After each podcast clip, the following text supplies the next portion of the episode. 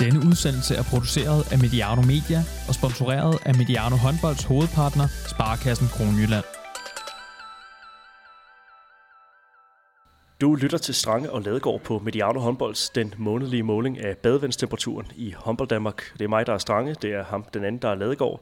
Og Thomas, det er dig med efternavn Ladegaard. Vi skal måske lige starte med at øh, forklare lytterne. Vi har jo lavet et decideret dogme for den her udsendelse. Ja, nu har vi jo lavet øh, rigtig meget øh, strenge og Ladegaard igennem tiden, hvor vi har talt utrolig meget om øh, e- jeg vil ikke sige alt andet end håndbold, men om øh, gamle kampe og alt muligt. Nu har vi lavet lidt det dogme, at nu vil vi gerne tale om noget håndbold, som rent faktisk er blevet spillet, og øh, ting, som rent faktisk, øh, rent faktisk øh, foregår ude i håndbold Danmark. Det har vi jo talt om, hvor meget vi har glædet os til det, og nu er det her, og jeg vil også sige, mens vi to sidder og taler sammen, så bliver der rent faktisk også spillet håndbold i, i danske ligaer, så det er jo, øh, øh, det er jo med kæmpe smil, at vi øh, går i gang med den her optagelse i dag.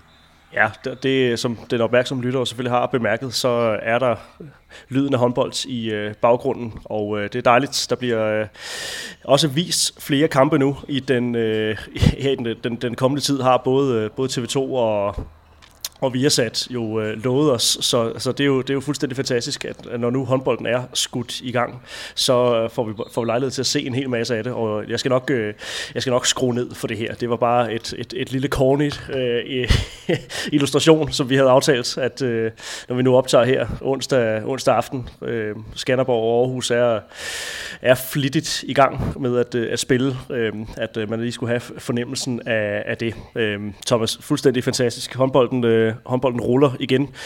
Udfordringer og, øh, og bekymringer er der, er der stadigvæk, men, øh, men vi har aftalt at primært lade, øh, lade begejstringen over, at, at håndboldturneringerne på ligaplan er, er genoptaget nu her. Lad, lad det fylde. Og så, hvad lytterne ikke kan se, det er, at øh, mens vi taler sammen her, så har vi som gode håndboldtilskuere jo i gang i adskillige skærme. Der er en tv-skærm, og jeg sidder også og holder øje lidt med nogle, med nogle andre kampe og sådan noget, så man kan sige, at vi er tilbage lidt med normalen, måske med endnu større appetit på at følge med i, hvordan det går i, i ligagerne og i alle de andre rækker i øvrigt. Så, øhm, så der foregår rigtig meget her, heldigvis. Og traditionen tro, så øh, har jeg også øh, iført mig noget øh, merchandise det er jo øh, også blevet øh, et dogme for Strange Ladegaard udsendelserne, at jeg skal have lidt, øh, lidt håndbold-merch øh, med mig, når vi, når vi optager her. Og øh, i dag er det øh, Herning Ikast-koppen, som jeg har fået af, af Mark og Sara Iversen. Øh, tak for den. Øh, nu kommer den endelig i, øh, i brug. Lidt, øh, lidt skjult reklame. Et tema, vi øvrigt vender tilbage til i, øh, i øh, udsendelsen øh, her. Men øh, ja, Thomas, vi er i gang med noget håndbold. Hvad siger du til det?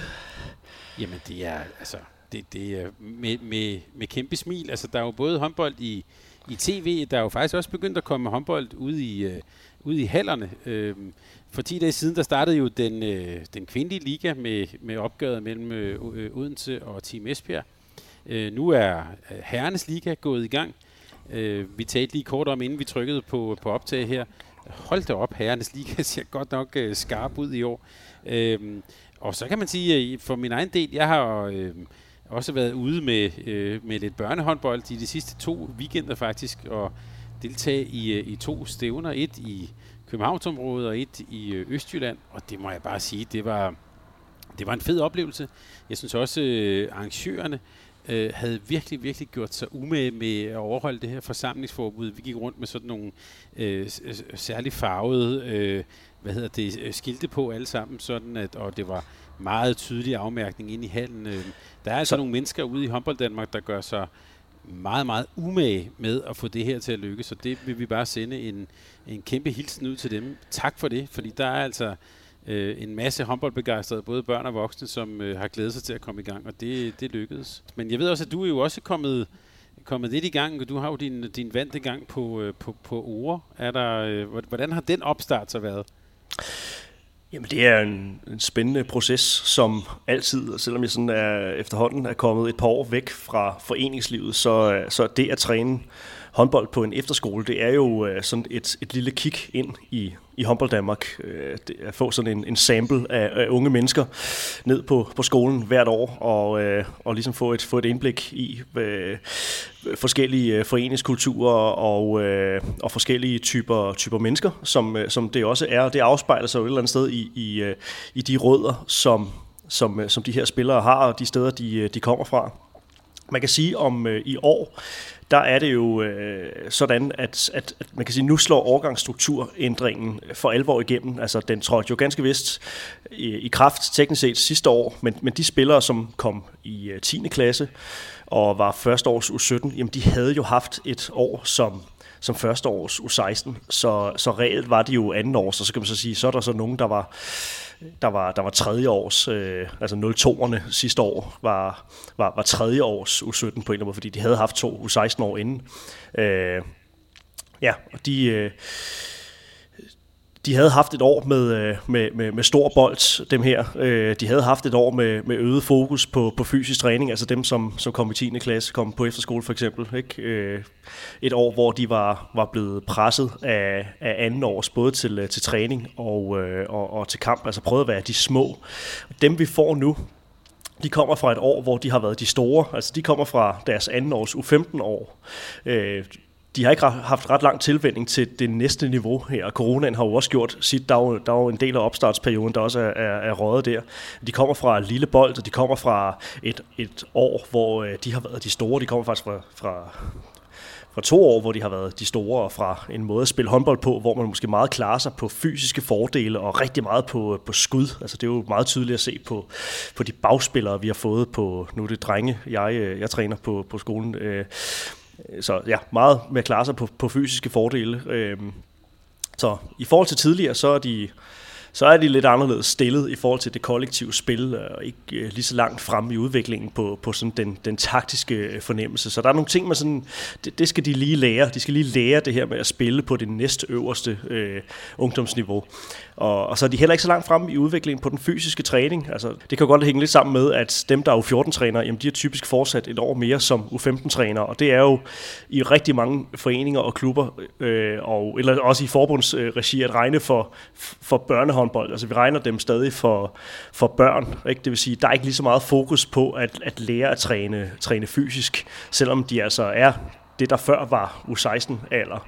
Øhm, Ja, men det gør jo ikke processen, øh, det gør jo ikke processen mindre spændende, øh, kan man sige. Det er jo, øh, det er jo, det er jo bare en ny situation for, for alle, at, at det hele sådan ligesom er, er, er rykket et, et år.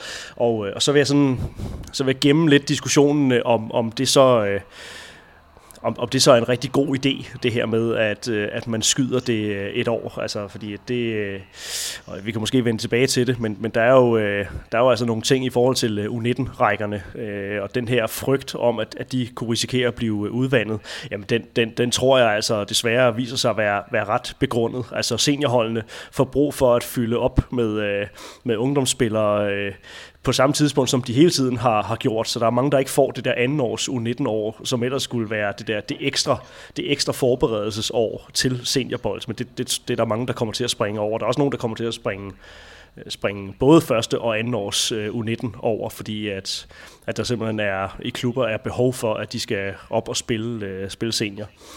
Ja, så det er jo en længere, det er jo en længere snak. Øh, sådan i forhold til skolestruktur, så, så får man jo så sin gymnasieår som, som anden års 17 og, og så de to øh, U19-år også på, på gymnasiet. Øh.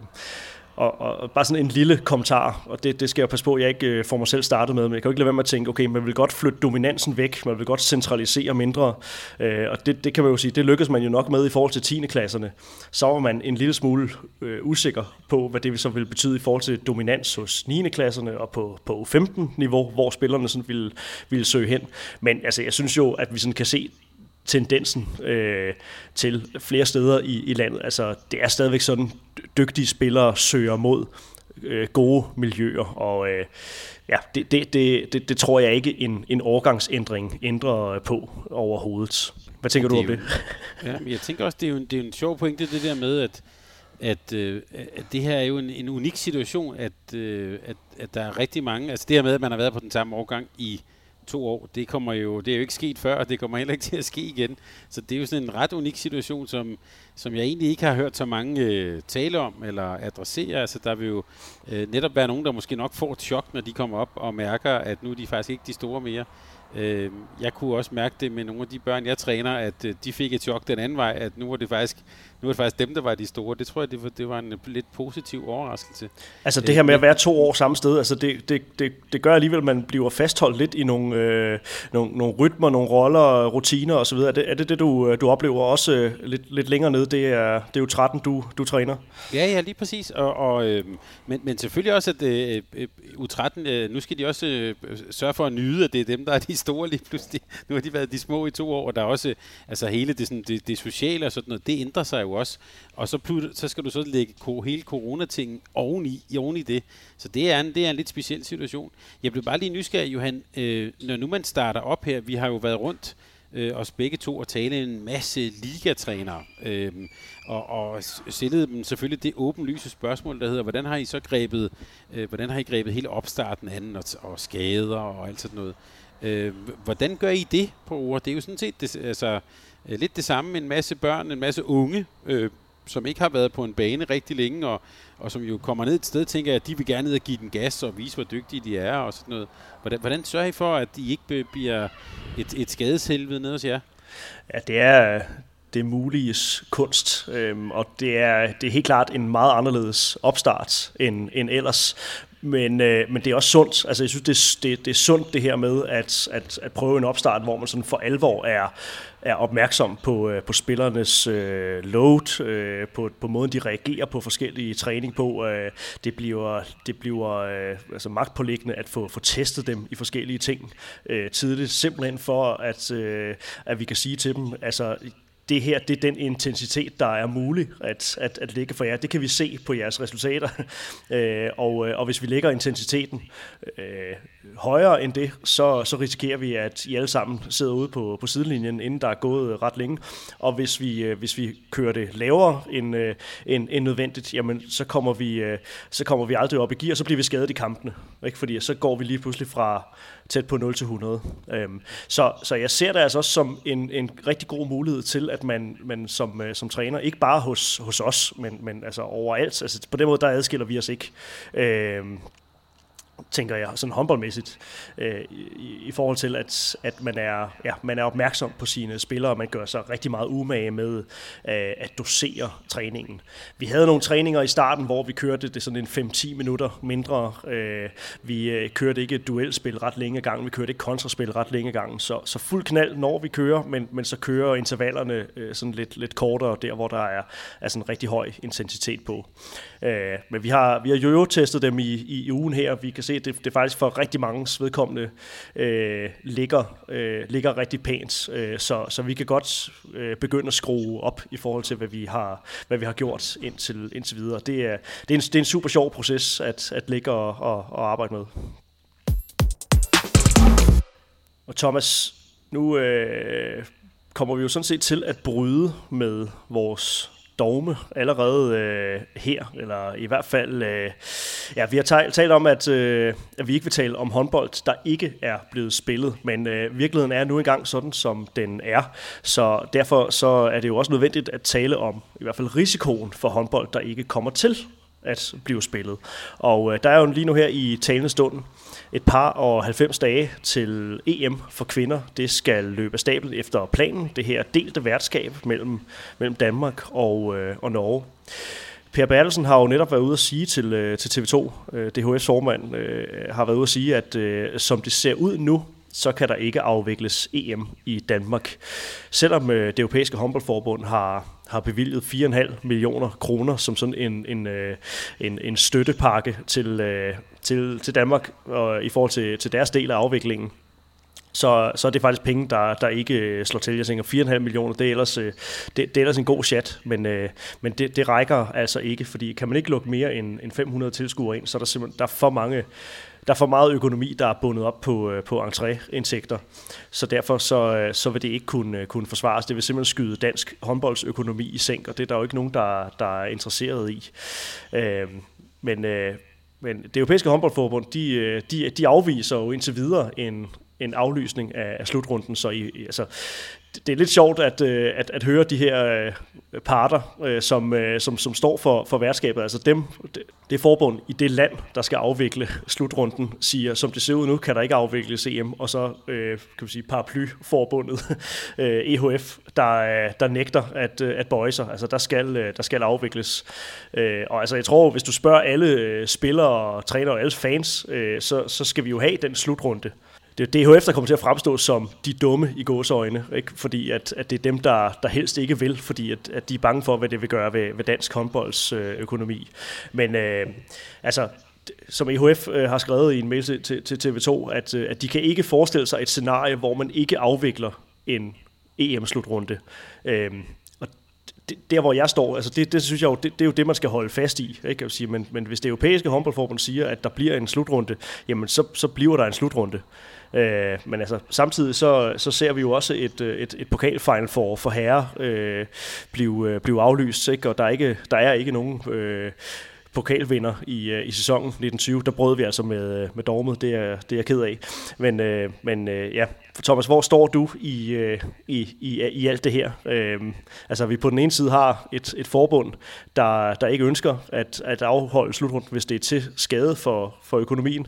Øh, og vi, også har, vi så har et, et europæisk forbund på den anden side, der, der siger, at det kommer overhovedet ikke på tale at, at aflyse. Hvad, øh, hvordan skal, øh, skal DHF og EHF øh, finde hinanden, og, og, og, og det norske forbund for den sags skyld også? Ja, man kan sige, der, jeg skulle lige sige, der er jo også, ja, der er jo dels det norske forbund, som du er inde på, øh, som jo øh, har nogle meget, meget store udgifter, fordi det er jo dem, der skal øh, afvikle øh, øh, finale weekenden, øh, og det, det er der meget store udgifter forbundet med. Men der er faktisk også en, en sidste part, som, øh, som vi ikke har været inde på, og det kan man sige, det er jo det hele det politiske niveau. Det har DHF jo også forsøgt sådan at appellere til sammen med badmintonforbundet. Øh, og, og, og ligesom at sige det her med, at hvis vi skal have nogle af de her store øh, slutrunder begivenheder i Danmark i, det her særlige, øh, i, i den her særlige tid, så er der behov for, øh, for støtte også øh, udefra. Og øh, man kan sige, i, det, i den nye aftale, som øh, John Mosen kunne, kunne fremvise, var der jo også en stor millionpulje til idrætslivet. Men om det også sådan indebærer øh, støtte til øh, Øh, slutrunder og til eliten, det, det, det ved jeg i hvert fald ikke noget om endnu. Det tror jeg er relativt uklart, om, om det er nogle midler, som DHF kan, kan søge ind i. Man kan måske også godt se øh, Per Berlesens udmelding. Øh, der kan jo være flere modtagere af den. Der er både DHF, men, eller undskyld EHF, men der er selvfølgelig også det politiske niveau, som helt sikkert læser med. Ja, og det er jo noget af det, vi har, vi har råbt lidt på her fra kanalen, ikke? at man skulle prøve at råbe lidt højere. Så, så det kan man jo godt se Per Bertelsens... Øh, udtalelser her som, øh, som det her råb om, om hjælp, og så skal det jo selvfølgelig følges op af, af en masse arbejde på de indre politiske linjer, og det, det må vi jo altså, i høj grad formode øh, bliver, bliver gjort. Men når det så er sagt, så, øhm, så har jeg faktisk i dag gjort noget så tørt, som at jeg læste referatet fra DHF's repræsentantskabsmøde, øh, som, som netop blev, er blevet, blevet afholdt. Var det en øh, spændende oplevelse? Ja, det, ja, det var faktisk, øh, jeg vil godt rose her offentligt, det var, jeg synes, det var meget godt skrevet. Men, øh, øh, men i det nævner de, der, altså der kommer de jo selvfølgelig helt naturligt ind på den, den øjeblikkelige situation, og de nævner også økonomien. Øh, og det bliver også sagt, i, øh, det er også blevet nævnt på mødet, at den er jo, for at gøre en lang historie kort, den er uklar både for, øh, både for, øh, for forbundet, for klubberne, for eliteklubberne. Øh, og derfor skal forbundet jo selvfølgelig være øh, forsigtige og øh, jeg vil ikke sige gå med livrem og seler, men i hvert fald være forsigtig. De kan, altså, de kan simpelthen ikke spille hasard med, med håndboldens økonomi øh, med hensyn til sådan en slutrunde her. Så, øh, så for at svare på de indledende spørgsmål, øh, jeg synes, at DHF og Per Berlsen har gjort det eneste rigtige, de kan. Det er at fremlægge sagen som egentlig som, den, øh, som, som landet ligger, og så selvfølgelig også lægge det pres på, man kan sige, det politiske niveau, at det er jo en ting, som øh, vil, vil samle Danmark i, øh, i december. Det gør det traditionelt. Øh, og det kan der være, i specielt i den her tid, alle mulige gode grunde til, at vi har et eller andet at, at samles om i, øh, i december. Så læg e, bare endelig mere pres på. Det, øh, det har vi brug for. Og nu har du jo talt flere gange med øh, Jesper Jensen. Vi har også en, øh, en aftale med, med Mette Tranborg øh, i, i støbeskeen, øh, og vi skal snakke med, med hende, som netop gjort comeback, og det har været, det har været fantastisk at, øh, at se. Øh, men, øh, men Jesper Jensen, som jo øh, har været ansat nu i noget tid som dansk landstræner for de her kvinder, men som øh, ikke sådan for alvor er, er, er kommet ordentligt i gang. Jeg skal lige sige, at, øh, at min kæreste er lige kommet ind ad døren. Det er så også en tradition, når vi, øh, når vi optager, og vi ikke står i studiet. Øh, så hvis man kan høre døre, der knirker, så er det altså årsagen til det. Øhm, øh, men, men ja, han er ikke kommet, øh, kommet helt rigtigt i gang, Jesper, Jesper Jensen, og, og altså, det er jo øh, for pokker lige om lidt, at, at den her slutrunde løber, løber af staben. Jeg, altså, jeg kan ikke lade være med at, at tænke, det er øh, altså, den her, den her mulige øh, kickstart, den her genstart af dansk øh, kvindehåndbold. Altså, der er sådan lidt øh, ond skæbne over det her med corona, og som, som fortsætter øh, et godt stykke ind i, øh, i efteråret. Ikke? Det berører flere øh, e-, europæiske nationer. Det kommer muligvis også til at påvirke, det kommer helt sikkert til at påvirke måden, som som øh, håndbold på tværs af landegrænser bliver afviklet, altså Europacup for både herrer og kvinder i, i sæsonen her. Altså, det er sådan lidt mørke skyer over, øh, over dansk, dansk, dansk kvindehåndbold, som, som ikke sådan rigtig vil, vil gå væk. Altså, det, den her slutrunde på hjemmebane, jeg er med på, lodtrækningen, den var, den var rigtig hård, men det var jo endnu mere, kan man sige, incitament for, okay, laver man nogle overraskelser der, jamen så kan vi jo for alvor få, få, få genstartet glæden omkring, omkring dansk kvindehåndbold øh, igen, og øh, altså, ja, der er jo ikke noget, der hedder, der er jo ikke noget, der hedder synd øh, øh, nogensinde. Men jeg kan ikke lade være med at synes, at det, er, det, er, altså, det, det ligner en, en, en, en hård skæbne, som, som vi er, er midt i her for, for de danske kvinder. Det er hårdt, odds, og som Jesper Jensen sagde, da, da, da vi mødte ham for nylig i, øh, på træningslejr i, øh, i Bilund, det kan blive verdens største maveplasker. Det kan også blive det verdens største øh, forløsning for, for de danske kvinder. Men jeg er helt enig med dig, det er godt nok øh, hårde odds, som Jesper Jensen er, er oppe imod.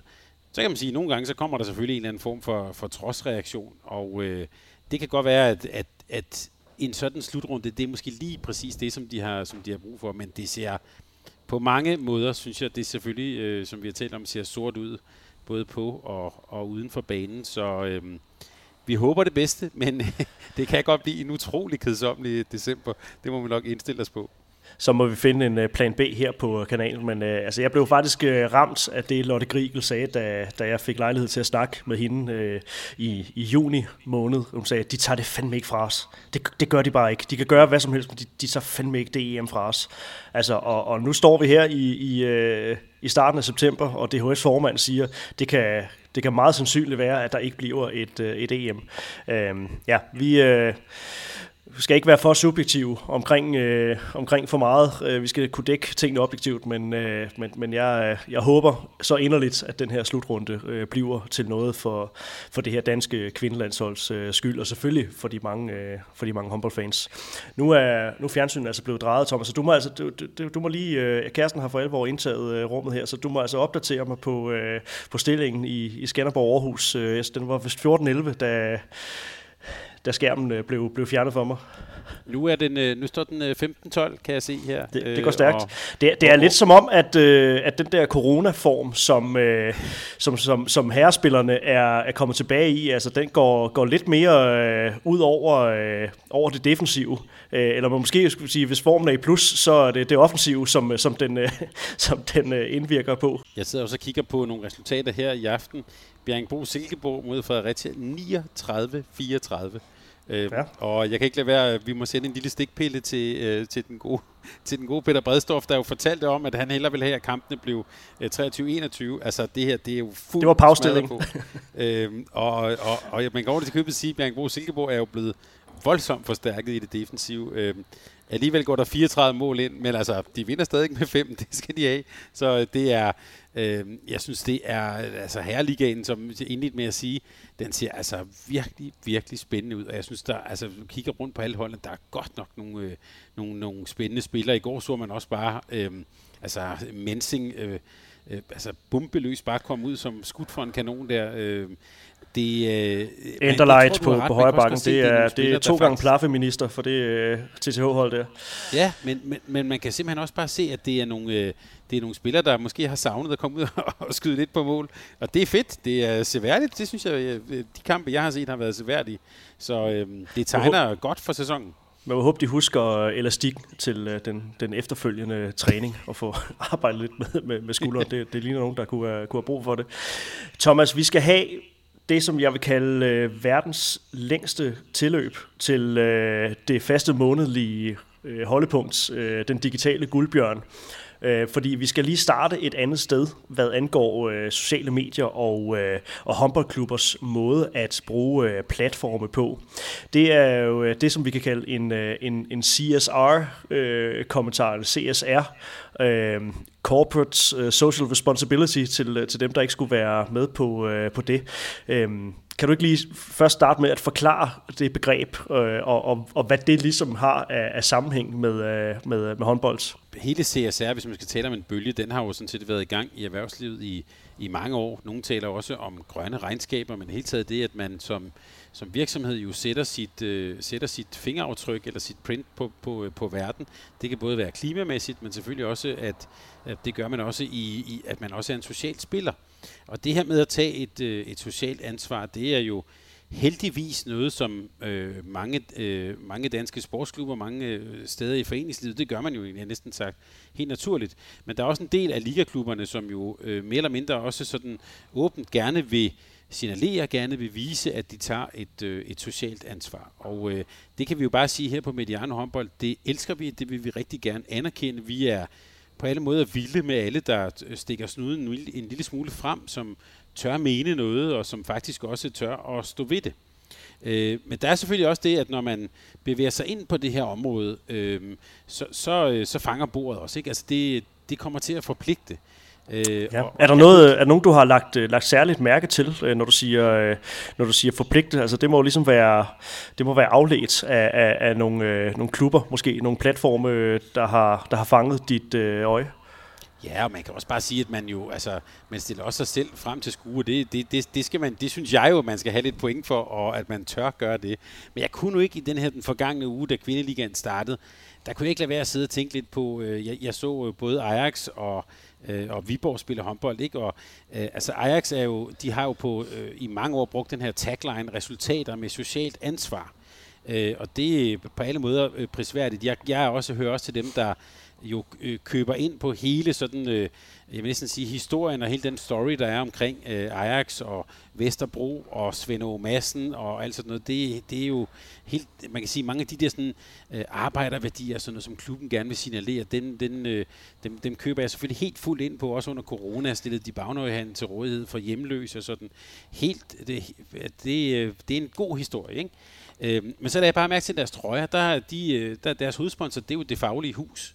Og der vil nok være nogen, øh, uden vi skal gå ind i sådan øh, alt muligt om fagforeningspolitik og så videre, der vil nok være nogen, der vil mene, at hvis man hylder solidaritet og sammenhold, så skal man nok være medlem af en rigtig fagforening. Det kan godt være, det er bare mig, men øh, det, for mig skuer det, en, skuer det en lille smule i øjnene, når man gerne vil have, have hele det her sociale ansvar og sælge alle de her sådan arbejderværdier. Og så samme uge var jo også øh, TV2 var på besøg hos øh, Viborg HK, som jo vil jeg sige utrolig flot er i gang med projektet Verdens Grønneste Klub, som jo er en meget ambitiøs, øh, man kan sige, klimasatsning, og som også passer godt til klubbens værdier og øvrigt klubbens øh, spillefarver osv.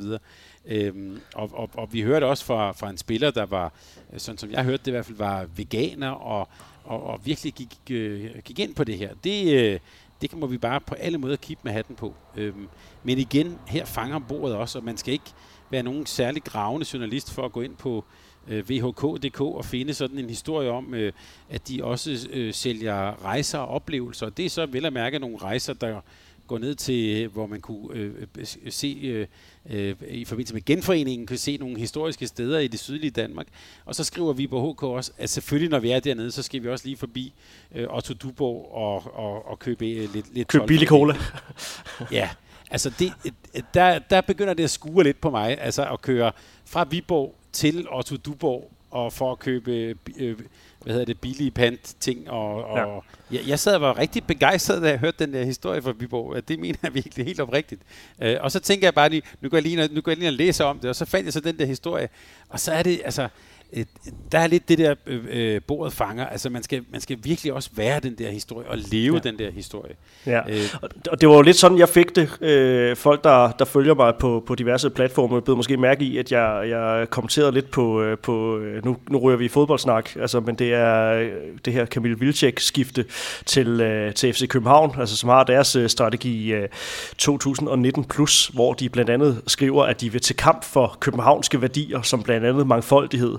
Og der synes jeg også, det skurede lidt øh, at, øh, at Kamil Vilcek, øh, at der er nogle historier omkring øh, ham, og han ikke var så glad for det her regnbuefarvede anførerbind, og og alt den slags. Ikke? Øh, og, altså, Polen øh, lige nu og, og LGBT-rettigheder, det er jo også, øh, altså, det er jo også to nærmest øh, kontrastfulde øh, størrelser. Ikke? Altså, så øh, ja, jeg synes i hvert fald, at, at, at FC København missede en mulighed for at, at, at forholde sig øh, til det andet end bare. Jeg synes, det var sådan en meget, meget billig måde, at, øh, at kommunikationschefen øh, der var, var ude at sige, jamen, øh, jeg går selvfølgelig ud fra, at øh, han har et ordentligt menneskesyn, men det kender jeg ikke noget til. Jeg kender ham ikke personligt. Jeg siger, det, er, det er jo noget vrøvl sådan noget. Ikke? Altså, øh, så, så jeg synes, der, der er lidt en, en parallel til noget af det, som du har, øh, noget af det, du har, du har kigget på her. Ikke? Altså, det er rigtig fint, at man godt vil, vil have nogle værdier, og, øh, og, og jeg er helt sikker på, at det arbejder man også stenhårdt på at, øh, at stå inden for det. Men, øh, altså, og det er jo ikke fordi, jeg, jeg, jeg tænker ikke, at, at, at, at klubber, øh, heller ikke håndboldklubber,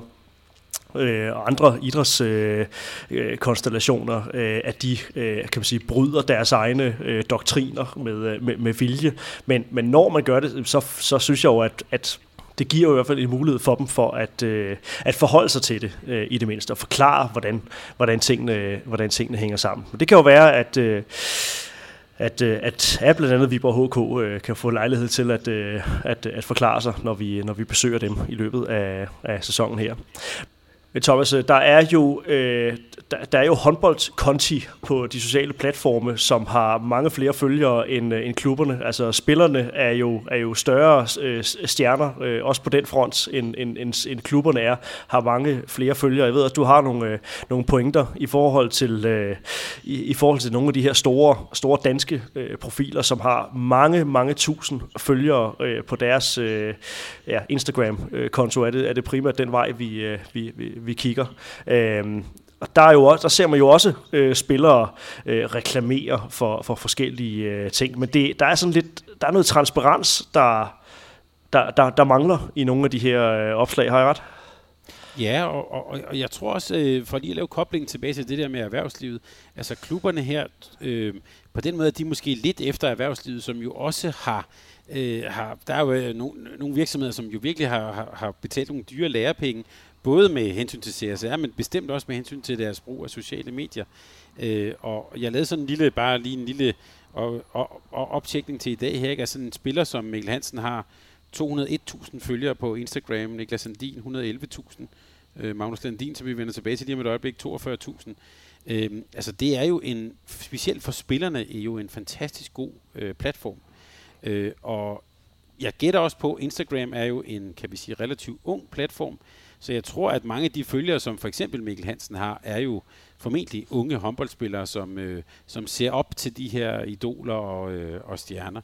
Øh, og, og med det sådan blik på, der er det altså lidt øh, tankevækkende og lidt sjovt at se, hvad, hvad nogle af de her spillere egentlig lægger op. Øh, jeg har i hvert fald bemærket her over sommeren, at øh, Mikkel Hansen, mit gæt er, at han har investeret en del øh, penge i restaurant Cadeau, for der kommer utrolig mange opdateringer om sådan i, den her restaurant i, i absolut Michelin-klasse.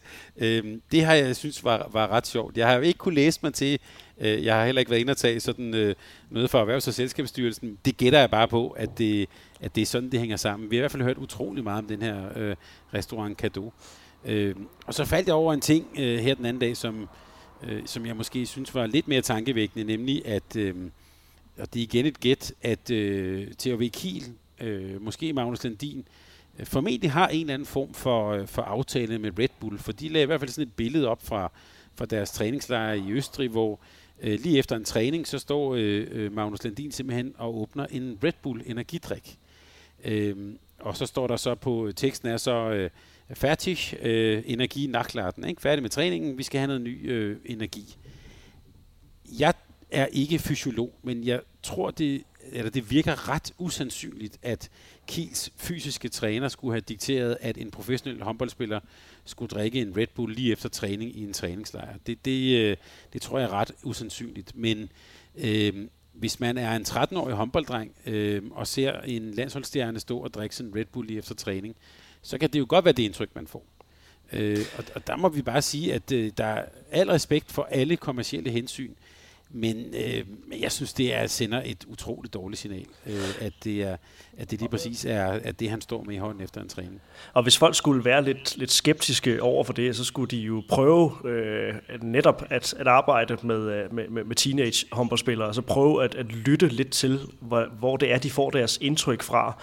Øh, på, på sådan en ting som fysisk træning, Altså det, det er, altså nu, nu, nu startede jeg med at sige, at at spillerne har, har fået en lidt mindre øh, indførsel i den fysiske træning, end, end øh, de har fået tidligere, i hvert fald dem vi får, får ned på, øh, på skolen. Det, det virker i hvert fald sådan. Øh, men, men, men, men tidligere, der har tendensen i hvert fald været rigtig meget til, at, at så de startede på fysisk træning, og så er de sådan blevet indført i det i klubberne, men der, hvor de får deres viden øh, fra, det er på YouTube. Altså, så finder de deres øh, favoritbøf, inde på, øh, på, på, på tuben, og, så, øh, og så, så kigger de en masse videoer øh, på det, og der bliver overhovedet ikke skælet til, om øh, vedkommende har et flueben, eller hvor mange følgere øh, der nu er. Altså det, det kan godt virke sådan lidt den første og den bedste-agtigt. Øh, altså, det er mere for at sige, jeg tror altså, det her det er noget, som, som forældre selvfølgelig i første omgang, men trænere øh, og ledere ude i, i foreningerne skal også gøre sig umage med at prøve at sætte sig lidt ind i, hvad det er, de her unge mennesker, de, de kigger på øh, i det daglige. Altså, de får utrolig mange øh, inputs, øh, og øh, kan man sige, desværre også faglige øh, input, som jeg tror, de har rigtig, rigtig svært ved at skelne mellem alle de her øh, impulser.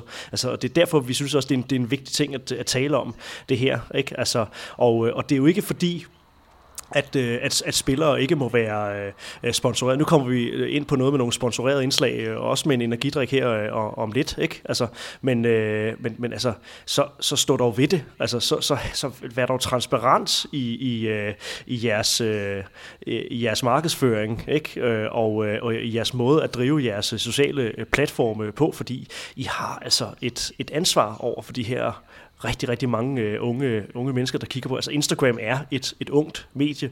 Øh, vi to øh, skiller os ud, Thomas. Øh, vi, vi forsøger at holde os øh, nogenlunde øh, assure, men, øh, men det gør vi måske i høj grad øh, netop øh, fordi vi har med, med teenager at gøre til, øh, til dagligt, øh, som, som, øh, som også, ja, som sagt, får, øh, får de her mange impulser øh, fra det. Altså, jeg, jeg tænker også, at dels man har et ansvar. Øh, og, og vi er ikke heller ikke jurister og, og kender godt til markedsføringsloven. Du, du har helt ret. Der er jo det her med, at, at nogle øh, opslag kan jo også være markeret med betalt partnerskab med den og den partner. Det er jo en lidt mere sådan, kan man sige, ren røv og trut i.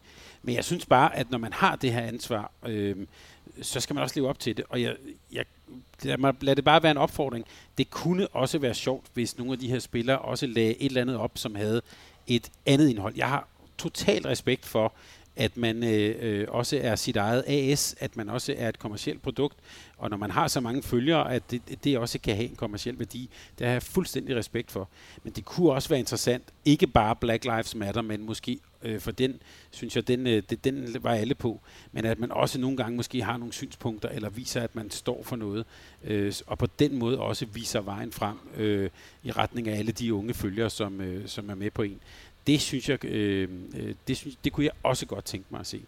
Øh, men det du nævnte, Johan, var jo, var jo noget, noget, som vi to også har, jeg vil ikke sige, vi har undret os over det, men i hvert fald har bemærket, det er jo, at, at sådan en øh, koffeindrik, som, øh, som, som Noko jo, eller Noko, det ved jeg ikke, hvordan det udtales, øh, jo har også har været øh, øh, godt inde i, øh, i håndboldverdenen, og det er jo den moderne måde at lave, at lave øh, markedsføring på, i stedet for at købe bannerannoncer og sådan noget, så får man øh, influencer til at at stå med sit øh, produkt. Øh, øh, Noko har i hvert fald været inde, og, og vi, vi er faldet over Anne Mette Hansen. Hun har så knap 20.000 følgere, ikke? og øh, mit gæt er, at rigtig mange af dem er små håndboldpiger, der jo simpelthen synes, hun er mega sej. Det synes vi også selv.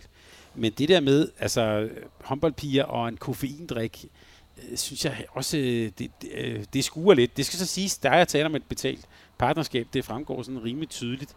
Øh, men jeg er heller ikke sikker på, at jeg synes, det er verdens fedeste kombination. Og Christina Mulle Christiansen har faktisk det, det dobbelte, øh, over 40.000 følgere, og øh, nu kan jeg så se, det, det er længe siden, at, øh, at der er Noko-opslag der, men hun har i hvert fald også været øh, med på det. Nej, det er faktisk ikke så, det er ikke så længe siden. Nu kan jeg lige se, der er, der er noget her fra, ja, der står 19 uger tilbage, så det, øh, det, er jo, det er fra i år øh, i hvert fald. Øh, men øh, ja, hun står med en hel kasse, så øh, hun kan ikke få nok. øh, og jeg ved, jeg ved Sara Iversen også har, har, har reklameret øh, for det, og det, det kunne jeg så forestille mig nu her, øh, at øh, nu hun jo øh, hun er med barn, så, så derfor så, øh, så går der måske en rumtid, før vi ser hende med, øh, med Nokodrik øh, igen det, det er også bare for at sige, altså, der er jo rigtig mange af de opslag, hvor der kommer sådan noget med, nej, nu er der kommet en pakke fra Mizuno, og så pakker man så de nye, de nye sko op og sådan noget. Og det, det, altså, det kan jeg bedre forstå, fordi det er jo, øh, øh det er jo deres, øh, deres absolute værktøj, og, øh, og det, det synes jeg egentlig giver bedre mening, og det er jo Øh, klogt lavet af Mizuno. Nu kan vi se, hvordan de nye sko ser ud, og der er mange, der sidder og tænker, dem vil jeg også gerne have. Det, det, det, det, det forstår jeg godt. Det er mere, når det er alt det der koffeindrikke og energidrikke og sådan noget. Øh, det synes jeg er mærkeligt. Man kan også sige, altså, øh, vi, vi skal også have ren røv og trutte her hos os. Vi siger jo også øh, Sparkassen Kronjylland utrolig mange gange. Øh, og og øh, der vil jeg bare sige, lægge, lægge hovedet på blokken og sige, jamen det er et produkt, som jeg godt kan stå indenfor. Øh, og jeg kan også godt lide, at vi kommer med en ret klar varedeklaration. De betaler gildet her på Mediano håndbold, og de er med til at skabe det indhold og øh, den begejstring for den sport, som vi alle sammen brænder for. Og det synes jeg jo er ærlig snak. Øh, som sagt, alt muligt øh, øh, kig på hatten for, øh, for kommersielle hensyn, det er ærlig snak, men det skal bare være, synes jeg, øh, ærligt, og så skal man være ret bevidst om, hvem det egentlig er, man kommunikerer til. Ja, så gik der faktisk tre kvarter, før vi fik dem nævnt i udsendelsen her. Det plejer vi faktisk at være, det plejer vi faktisk at være hurtigere med, øh, Thomas, men øh, ja, den bliver, øh, det bliver nævnt i intro-speaken, så øh, det, er, det er fint. Jeg tror, jeg tror ikke, det er nogen hemmelighed for folk, der, der hører Mediano håndbold fast, at Sparkassen Kroneland er, er med ombord. Men øh, det er det er de jo fortsat, fordi at, øh, at vi selvfølgelig kan øh, stå inden for dem, og de kan stå inden for, for os. Men Thomas, nu vi er ved det med influencer, nu sagde jeg, det var jo verdens længste tilløb, så, så lad os øh, komme til det faste holdpunkt. Øh, vi uddeler jo hver måned den her, hvad vi kalder den, den digitale guldbjørn, den øh, prisen for, for, øh, for bedste social medieplatform, øh, social mediekonti i måneden, der er gået. Og øh, det kan jo også godt være en konto, der har, der har presset sig på gennem noget tid, og det vil sige, at det igen i dag øh, er, er, er tilfældet. Vi vil rigtig gerne øh, indledningsvis takke de mange klubber, der har været gode til både gennem coronaen, men også her, hvor vi har nærmet os starten og er startet på, på ligaerne, været gode til at uploade fotos og, og ikke mindst video fra, fra træningskampe. Så, så lige sådan en stående anbefaling eller en stående hyldest til, til klubberne, at øh, man har gjort sig umage i løbet af, af træningskampene her i august måned.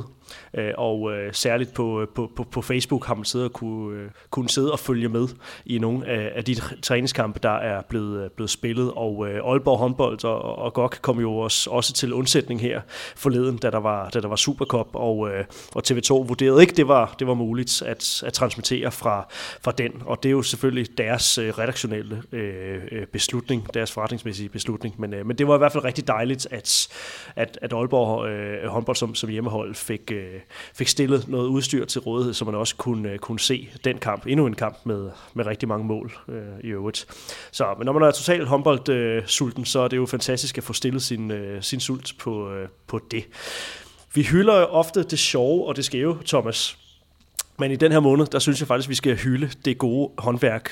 Og øh, løfter sløret med det samme for, at det er Skjern håndbold, som får den digitale guldbjørn for august måned, og øh, det gør de ganske enkelt, fordi jeg synes, deres øh, Instagram-konto er, er fremragende. Altså, der er rigtig meget af det, som, som øh, kan man sige, der traditionelt er, altså øh, gode, gode uh, content uh, stillbilleder, ikke? Game day og snart game day, og så var det game day for lidt siden, og vigtige uh, to point har det så ikke været uh, endnu. Er, det, er deres kamp færdig i øvrigt?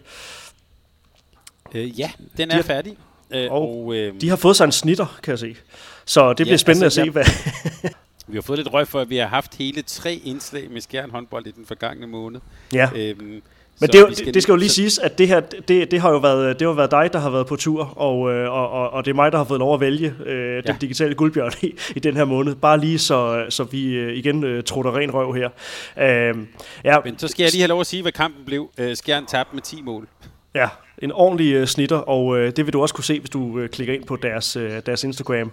Uh, du ser uh, Robin Haug, uh, Jonathan Stenbækken og Konradsson og Claus Hansen, der alle sammen ser meget mutte ud. Slut sejr til Sønderjyske på 33-23 i Ligapremieren, og Tangen topscorer med 6 mål. Det er, hvad det er, men jeg synes, at de gennem, gennemgående uh, gør, det, uh, gør det rigtig godt. Det er gode billeder, det er godt content, det er gennemarbejdet, og jeg har det sådan, altså skal man, skal man, skal man have sådan en profil, skal man øh, have en konto, hvor man også er, er er aktiv ofte, jamen så, så synes jeg også, man skal gøre det, gøre det ordentligt. Og jeg kan rigtig godt lide det grafiske håndværk. Øh, vi var tæt på at vælge dem for, for noget tid siden, men altså man, man skal prøve at gøre sig, gøre sig den øh, ulejlighed at klikke sig ind øh, på deres, øh, sige, hvad, hvad kalder man det, deres ved, vedblivende story. Jeg er simpelthen for gammel, Thomas, men øh, der er den her Coming Home øh, video. Øh, det er jo super corny øh, præsentation af, af Emil Bergholtz, som, øh, som altså vender hjem til, øh, til, til Skjern, altså den ægte Skjerndreng, som, øh, som nu snart kommer, kommer hjem til, øh, til Skjern. Og øh, den er bare, den er bare fedt lavet, altså, og det er, det, det, jeg kan godt lide, at man sådan lige gør lidt ekstra ud af, af, af det her. Nu kunne jeg se, at København håndbold havde også øh, har præsenteret den ellers øh, håndboldpensionerede Jessica Helleberg øh, med, øh, med noget røg og nogle lamper og, og sådan der. Altså, de gør det også godt på, på, deres, øh, på deres platforme. Altså, så jeg kan godt lide, altså, kære klubber, der, der skal spares øh, hist og, og pist, men jeg synes, det er godt givet ud at, øh, at holde sig øh, aktuel og holde sig øh, øh, ja, aktuel i folks bevidsthed med, øh, med, med sociale øh, platforme, få, få publikum øh, orienteret og holdt glade gennem rigtig godt øh, content, og øh, den får Skjern håndbold officielt, som øh, den hedder på, øh, på Instagram i den her måned. Og så ikke mere skjern, i hvert fald et lille stykke tid. nu går vi uh, i uh, selvvalgt øh, uh, skærm-karantæne i, uh, i resten af, af efteråret. Skal vi ikke uh, aftale det som, uh, som endnu et, uh, et dogme? Ja, Thomas, det fortsætter. Det, det kan godt være, at det blev endnu et fast månedligt punkt. Det er i hvert fald ved at, at udvikle sig øh, til øh, absolut øh, håndboldkultur. Ikke? Øh, det fortsætter. Håndbolden er kulturens øh, kastebold, og øh, ja, det var jo øh, det var jo i forlængelse af den her debat, der var på, øh, på DR2 omkring øh, kulturlivet. Der gik ikke ret lang tid før, at, øh, at håndbold igen blev, øh, blev nævnt. Øh, men øh, ja, Jon Steffensen og Anders Lund Madsen var, var, var, der, øh, var der med det samme. Øh, og så herefter en, en kronik fra det radikale venstre i forhold til, at øh, ministerierne måske skal op splittes i øh, et kultur- og et kunstministerium. Hvad, hvad, hvor står du i forhold til, øh, til det? Altså, der er jo andre lande, der kører med, øh, med forskellige former for, for kulturministerier. Jeg vil lige starte med at sige, at øh, vi så jo også faktisk i, øh, i den forgangne tid her, der har jo den svenske, det er også, hun er også kultur- og sportsminister, hun har jo faktisk været ude og besøge håndboldklubben Skudo, så, øhm, så det kunne da være en opfordring. Jeg synes, at der er nogen, der skal invitere vores kære kulturminister ud i en, i en håndboldforening, lige at se, hvordan livet derude øh, øh, ser ud. Men altså, jeg, jeg undrer mig jo stadigvæk, samtidig med, at jeg også smiler lidt over det der med, at, at det er håndbolden. Det, at det er, nu er det simpelthen blevet tømret fuldstændig fast, at håndbold er det modsatte af, af kunst. Ikke? Der gik få sekunder i den der debat på DR2, før, før, før det blev sådan hamret hjem. Øh, og det er også det samme, som de skriver om i den her kronik fra det radikale venstre, øh, hvor de skriver, øh, nok har de ret i, at der er kultur i en håndboldhal, men med al respekt, hvem kan komme i tanke om, at håndbold skaber kunst? Det er i hvert fald ikke en varig kunst til efterfølgende generationers refleksion over, hvem vi var og er. Altså det her med, at der er forskel på kultur og på kunst. Og der må jeg, øh, der må jeg med skam meddele, øh, at der er lidt splittet, fordi øh, ja, der, øh, hvis vi, hvis vi sådan, bare for at gøre det sådan helt øh, på spidsen, øh, Asger Jorns øh, maleri Stalingrad, det er nok en bedre fortolkning af verden, end øh, det, jeg sidder og kigger på over til venstre nu her, Skanderborg mod Aarhus, en, en ligakamp. Det synes jeg faktisk, de har fuldstændig ret i. Det er i Øh, øh, sport er, øh, uanset hvor meget Jørgen Let taler om cykelsport, er for mig ikke kunst. Det er jo en... Øh, der, der kan måske være nogle små øjeblikke, hvor noget af det har været kunst. Øh, så, så det er mere jo et, et kulturelt udtryk. Øh, alt fred med det. Men når det så er sagt, så, så indledte vi jo også den her samtale med at tale om EM og tale om store nationale oplevelser. Øh, og der vil jeg da godt sige, at, så, at, at med, med de briller på, så vil det give rigtig, rigtig god mening, at man for eksempel investerede i at støtte det, at der kommer et EM i, i december. For det er jo noget, der samler øh, nationen. Det er måske ikke kunst, det som Anne Mette Hansen og Lotte Grieg laver, men det er i hvert fald et, øh, et udtryk for, øh, hvad kan man sige, for noget dansk kultur. Og det er måske også et udtryk for, øh, øh, ja, som, som de skriver i kronikken her, hvem vi er øh, lige nu. Jeg tror ikke, der er nogen, der vil sige, at hvis man skal tegne et øh, billede af 90'erne, øh, Danmark, så vil jeg da, og jeg havde et minut til det, så tror jeg da nok, jeg vil vise øh, et lille klip med Anja Andersen. Hun er i hvert fald en del af den øh, øh, fortælling. Jeg siger ikke, at det, hun lavede, var kunst, men jeg siger, at det i hvert fald var et udtryk for noget i den tid, hun var en, øh, en del af. Øh, så for min skyld kan man godt opsplitte det i et kultur- og et, øh, et kunstministerium. Øhm, øh, alle de her ressortområder, det må de selv ligge rode med, vil jeg sige. Øh, når blot vi bare anerkender, at... Øh, at der kan være lige så meget kultur både i det kongelige teater, som der er oppe i Gigantium. Ja, det tror jeg, du får øh, de ansvarshavne på, på Berlingske. Der, der skal mere en almindelig god frokost til at uh, få dem til at, uh, at, at indrømme det. Uh, og, uh, og de klassiske uh, tordenskjold-soldater i, i deadline, uh, det, det, det, det, det ville jeg også blive øh, chokeret, hvis jeg, hørte, øh, hvis jeg hørte dem sige. Men, øh, men Thomas, jeg synes jo endnu en gang, at vi skal, vi, vi skal vende tilbage til det her, som, som er det, som, øh, som, som forbinder os, og som er der, hvor det hele starter, nemlig, nemlig foreningslivet. Altså det dannende element i at, øh, at, at være, i en, øh, være i en forening, dyrke en, øh, en, en holdsport i det her tilfælde, som, som, som håndbold øh, er. ikke Og, øh, og de, de fantastiske menneskelige kvalifikationer, som, øh, som man, man, kan, man kan opnå gennem, øh, gennem foreningslivet.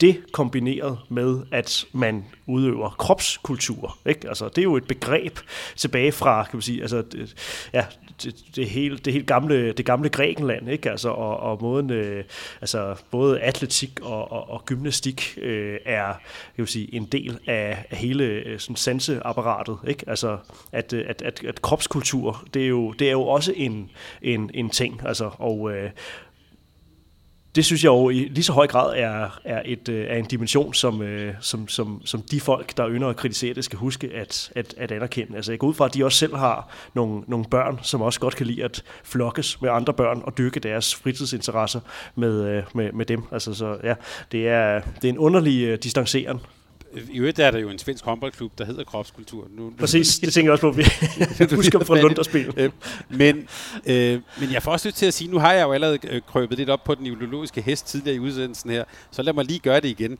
Øh, det her var jo også i den forgangne uge, kom der jo også, øh, øh, læste jeg i hvert fald et par artikler, der handlede om det her med, at privatskolerne nu ikke blot er et alternativ, men ligesom er mange forældres foretrukne skoleform. Altså at man jo bevidst vælger øh, fællesskabet og folkeskolerne fra som forældre. Øh, og, og lad os bare sige, det spiller i hvert fald også ind i hele den her sådan øh, individualisering, som vi ser. Altså det er, det handler om mit lille barn, og det handler om øh, individet.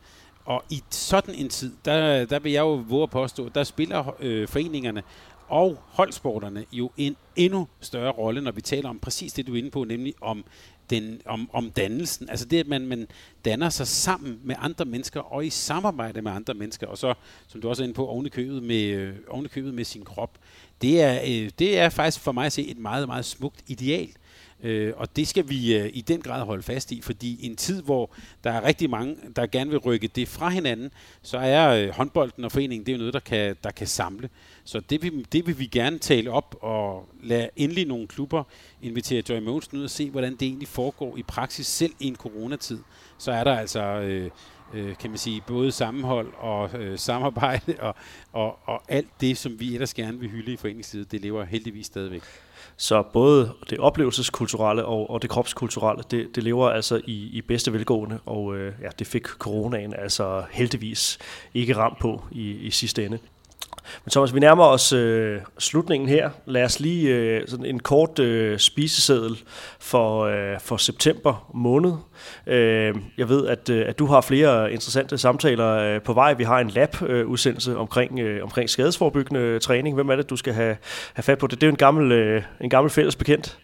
Ja, det, det er det, men også en, som... Øh som nu også er arbejder i øh, DHF, og som jo i mange år har arbejdet med skadesforbyggende træning, nemlig Jesper Binke.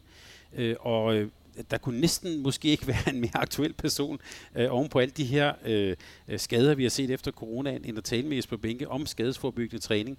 Vi vil både tale om selve, kan man sige, selve coronadelen, men også bare tale om, hvad er egentlig skadesforbyggende træning? Det er jo et område, der også har rykket sig rigtig meget øh, i, i, igennem øh, de seneste år. Så det skal vi have sådan en rigtig god øh, faglig lab-opdatering på fra Jesper Binke. Og endnu en lab-udsendelse, du skal tale med øh, økonom Rasmus Storm omkring, øh, omkring klubbernes øh, økonomi. Og ellers så har vi flere trænerportrætter. Skal vi jo også på et eller andet tidspunkt øh, igen have målt badevandet på, på ligaerne specifikt. Nu begynder der at blive spillet kampe. Når vi er kommet et par, par runder hen i både dame- og herreligaen, jamen så tager vi også temperaturen på det og tager nogle, nogle dugfriske analyser med øh, vores, øh, vores faste paneler. Så endnu en, øh, en september måned, øh, så endnu en, en rigtig spændende måned øh, venter, efter en august måned, der øh, blev, blev tæt på, på historisk, Thomas. Ja, der, der endnu en gang må vi bare sige tak til lytterne. Vi øh, fortsætter med at sætte rekorder her på Mediano håndbold. Det er en fornøjelse at være med i. Jeg, jeg, jeg, jeg rækker lige fingeren op, Johan, fordi vi skal også huske at sige, jeg håber i september måned at få svar på spørgsmålet om, hvad skal vi, eller hvad er egentlig ideen med det her med kortbane håndbold i vores BRU-afdeling? Det er et mysterium, ikke et mysterium, men det er i hvert fald noget, jeg bliver ret nysgerrig på. Det, glæder, det er jeg ret sikker på, at vi kan få kloge folk til at sige noget om. Så det skal være en af vores målsætninger, øh, udover at vi skal sætte nye rekorder og have mange glade lyttere, så skal vi også have finde ud af, hvad man egentlig skal bruge det her kortbane til. Det er, det er lytterne, der slår rekorderne for os, Thomas. Er det ikke, Nå, undskyld, er det, ikke ja. den, øh, Nej, det facit, vi må give på, øh, på, på, på udsendelsen her? Øhm, slutligt, så ved jeg, Thomas, du har en, øh, en, lille, en lille opfordring. Øhm, ikke? Fordi i sidste måned, der hyldede vi jo øh, Nikolaj Jakobsen som, øh, som verdens bedste træner, og, øh, og siden øh, da, der er Flemming Tuber Larsen og Heine Eriksen også blevet forlænget på, på damesiden, så, så der er noget, noget kontinuitet øh, der. Øh, det talte du jo med, med Jesper Jensen om øh, i Bilund. Øh, og øh, du har nogle pointer i forhold til den her øh, selvrensagelse, som, øh, som Jesper Jensen øh, snakker om, som han har snakket med, øh, med, med Flemming og Heine om i, øh, i, forhold til, øh, i forhold til talentudviklingen øh, og øh, det her med at få skabt, få skabt rammer for, øh, for de her unge piger. Ja, altså det, man kunne godt sige, at øh, når jeg, da jeg lyttede på det bagefter, skulle jeg måske have været en endnu hårdere gravende journalist der. Øh, for, for det han i hvert fald, lad os bare sige, det han antydede, det var jo, eller det han fortalte om, det var jo, at der havde været en eller anden form for selvrensagelse i gang. Øh, i, i, I den coronasamtale, vi havde med Esben Jensen, der, der sagde han jo direkte, at han, han jo tvivler på, at en spiller som Estevan Polman var kommet igennem det danske talentsystem. Øh, altså en, en person, som ikke vil være god til at skrive alle de her dagbøger og, og lave målsætninger og, og så videre, men som når vi spiller en VM-final, så ved vi godt, hvem det er, der skal have bolden. Og det synes jeg jo, at man kan sige et ret godt billede, hvis, hvis vi har skabt et system, hvor sådan en som hende ikke vil komme igennem, så har vi selvfølgelig en udfordring. Øhm, og, hvis, øh, og det, som Jesper Jensen også fortalte om, det var, at både at Flemming Tubor Larsen og Heine Eriksen faktisk øh, i, i længere tid havde også tænkt på at lave nogle forandringer. Og dem, de forandringer, dem, det er i hvert fald nogen, vi skal komme til at, at, at spørge, spørge efter, men også som vi vil finde ud af, hvad handler det øh, egentlig om. Og så kan man sige, at her i den forgangne uge kom der jo også øh, de her indkaldelser til øh, landsholdssamlinger for de lidt mindre årgange. Øh, både på, faktisk både på, på herre- og på, øh, på kvindesiden. Øh, og der kan man sige, den, den, den udfordring, opfordring, jeg gerne vil give Nikolaj Jarvsen, han er Kronborg på herresiden, og Jesper Jensen, Lars Jørgensen på, på kvindesiden, det er, at øh, jeg kunne godt tænke mig at se dem derude. Øh, jeg har set både Flemming Tuborg og Heine Eriksen har jo faktisk været øh, relativt sådan, øh, øh, øh kan man sige, øh, udadvendte her i, i, i de senere dage, og har udtalt sig blandt andet til ubold og så videre. Jeg vil bare sige mere af det. Øh, fordi hvad jeg hører sådan lidt på vandrørene, så savner man dem faktisk derude. Altså Nikolaj Jarvsen, han talte meget ved sin tiltrædelse om at blande sig i talentudviklingen. Det, det synes jeg godt, han må noget mere. Øh, Jesper Jensen, han har meget, meget øh, klare holdninger øh, til det her. Det har han jo også fortalt, også her på Mediano håndbold. Så lad os øh, for pokker se øh, de to, og selvfølgelig også deres to øh, assistenter aktivt derude. Øh, om ikke andet, så bare lige vis flaget og vis, at det, øh, at det betyder noget. Vis, at I ser spillerne. Vis, at I har holdninger til, øh, hvordan, øh, hvordan vi gerne vil have talenterne skal udvikle sig. Øh, det kunne også godt være, at de øh, øh, var ude, og det kan være nogle, også nogle små ting, noget lidt sociale medier, et eller andet, de bare lige viser, nu står jeg så her i, øh, nu siger jeg bare noget, i Brandehallen, og, og det jeg har set her er en masse, en masse piger på 15 år, som træner sindssygt godt og alt sådan noget øh, de må meget gerne være derude, de må meget gerne tale det op. Det er jo ikke det samme som, at de skal blande sig i, hvad andre gør, men gå ud og vise flaget, ud og vise, at det her, det betyder noget, fordi det er jo for pokker dansk håndbolds fremtid, vi, øh, vi taler om her. Den synlighed kunne jeg godt tænke mig var endnu mere øh, præcis i den kommende tid. Og de har chancen. Nu kommer de her landsholdssamlinger her i efteråret. Bestemt. Men som du siger, så er man jo på kvindesiden faktisk begyndt at være, være verbale, være, være tydelig i debatten også. Øh, så vil jeg bare lige som en fodnote øh, indskyde, at, at man på herresiden jo er gået fra Claus Hansen, der var, der var meget synlig, og som indimellem også stadig godt kan finde på at, at, at være det, til til øh, kan sige, Morten Henriksen som, som sportschef, og så især Bo Tolstrup som, øh, som talentchef, øh, hvor at tavsheden den er, er nærmest larmende øh, til tider. Altså der er ikke meget øh, præg af, af debat fra, fra, fra den kant. Det synes jeg er, det synes jeg er, er rigtig ærgerligt, øh, og jeg behøver ikke ramme samme frekvens nødvendigvis som, som Claus Hansen, og behøver heller ikke være, være enig i, i alt, hvad han siger, men øh, jeg synes, det er påfaldende, at, øh, at vi har en, en talentchef, der, der ikke lader høre fra sig. Øh, stort set ikke ikke set hans, hans navn i forbindelse med, øh, med, med, med, nogen, med udtalelser om, om noget som helst i forbindelse med talentudvikling eller nogen debat siden, øh, siden hans, øh, hans tiltrædelse. Og det, det synes jeg bestemt også er, er ærgerligt. Og jeg tror også, det jeg faktisk prøvede at sige, var også, at der, jeg tror, der er mange, hvad skal vi kalde det, lidt nemme point eller lavt hængende frugter, man kan hente. Altså, øh, gå ud, bland dig lidt, øh, lige, lige vis lidt, altså det vi taler om, at de skal ikke udgive et manifest, eller sådan, det er ikke det, vi taler om. Men gå ud og bland dig. Altså, på den måde har Claus Hansen jo øh, ved blogindlæg og, og ved at være til stede og ved at være engageret, jeg er helt sikker på, at han har rykket noget kultur. Han har rykket nogle holdninger øh, på, øh, på øh, over en bred kamp, tror jeg, helt ned til, hvordan man står nogle gange og træner en lørdag med nogle unidrenge og sådan noget. Han har haft betydning. Man kan så være enig og uenig, og det er også nogle diskussioner, vi rigtig gerne vil have her på Mediano håndbold. Men det der med, at man tør at sætte nogle hegnspæle ned, øh, det øh, skru op for det. Fordi det, de der holdninger er der. Det ved jeg, de er. Øh, og, og det vil vi rigtig, rigtig gerne se endnu mere af. Og således opfordret, således optaget. Thomas, vi øh, binder sløjfen på udsendelsen her med en øh, PT 26-21 føring til øh, Skanderborg over Aarhus Håndbolds. Og, du skal at sige, det hedder faktisk Skanderborg. Skar, Skarnerborg, ja. Så det, ja, den gode Thomas Christensen er ikke helt, Peter Sommer, helt ja. Øh, forkert på den, når han siger, det er seks kasser af 18-årige Thomas Arnoldsen. En, øh, en fornøjelse at, øh, at se ham. Thomas, øh, tusind tak, fordi du var, var med her en, øh, en, en onsdag aften. Endnu en gang øh, fornøjelse. Og det var multitask på rigtig mange skærme, men ja. det hele handlede om håndbold, så det var en dejlig onsdag aften. vi er ved at lære det. Og således også en tak til øh, dig, der lyttede med derude. Tusind tak for at have været med til at øh, gøre august måned til, til tredje bedste nogensinde i øh, Mediano håndbolds øh, historie. Lad os øh, endelig skubbe på og, øh, og se, om vi kan gøre september endnu bedre. Det er jo, øh, det er jo kun, kun jer, der kan, der kan gøre det, og tusind tak for, for det. Det er dejligt, I bliver ved med at trykke play på vores udsendelser, og det er muliggjort af Sparkassen Kronløn. Det er vi også rigtig glade for. Tusind tak, fordi du lyttede med. Vi høres ved meget snart. Tak fordi du lyttede til en podcast af Mediano Håndbold. Hvis du kunne lide udsendelsen, så husk at abonnere på Mediano Håndbold, der hvor du hører podcasts. Så får du den seneste udsendelse serveret direkte til dig. Du må gerne fortælle dine venner om os, og husk at følge os på Facebook, Twitter og Instagram. Mediano Håndbold kan lade sig gøre, takket være Sparkassen Kronjylland. Vi har gået hånd i hånd siden foråret 2018, og de er med os hele 2020.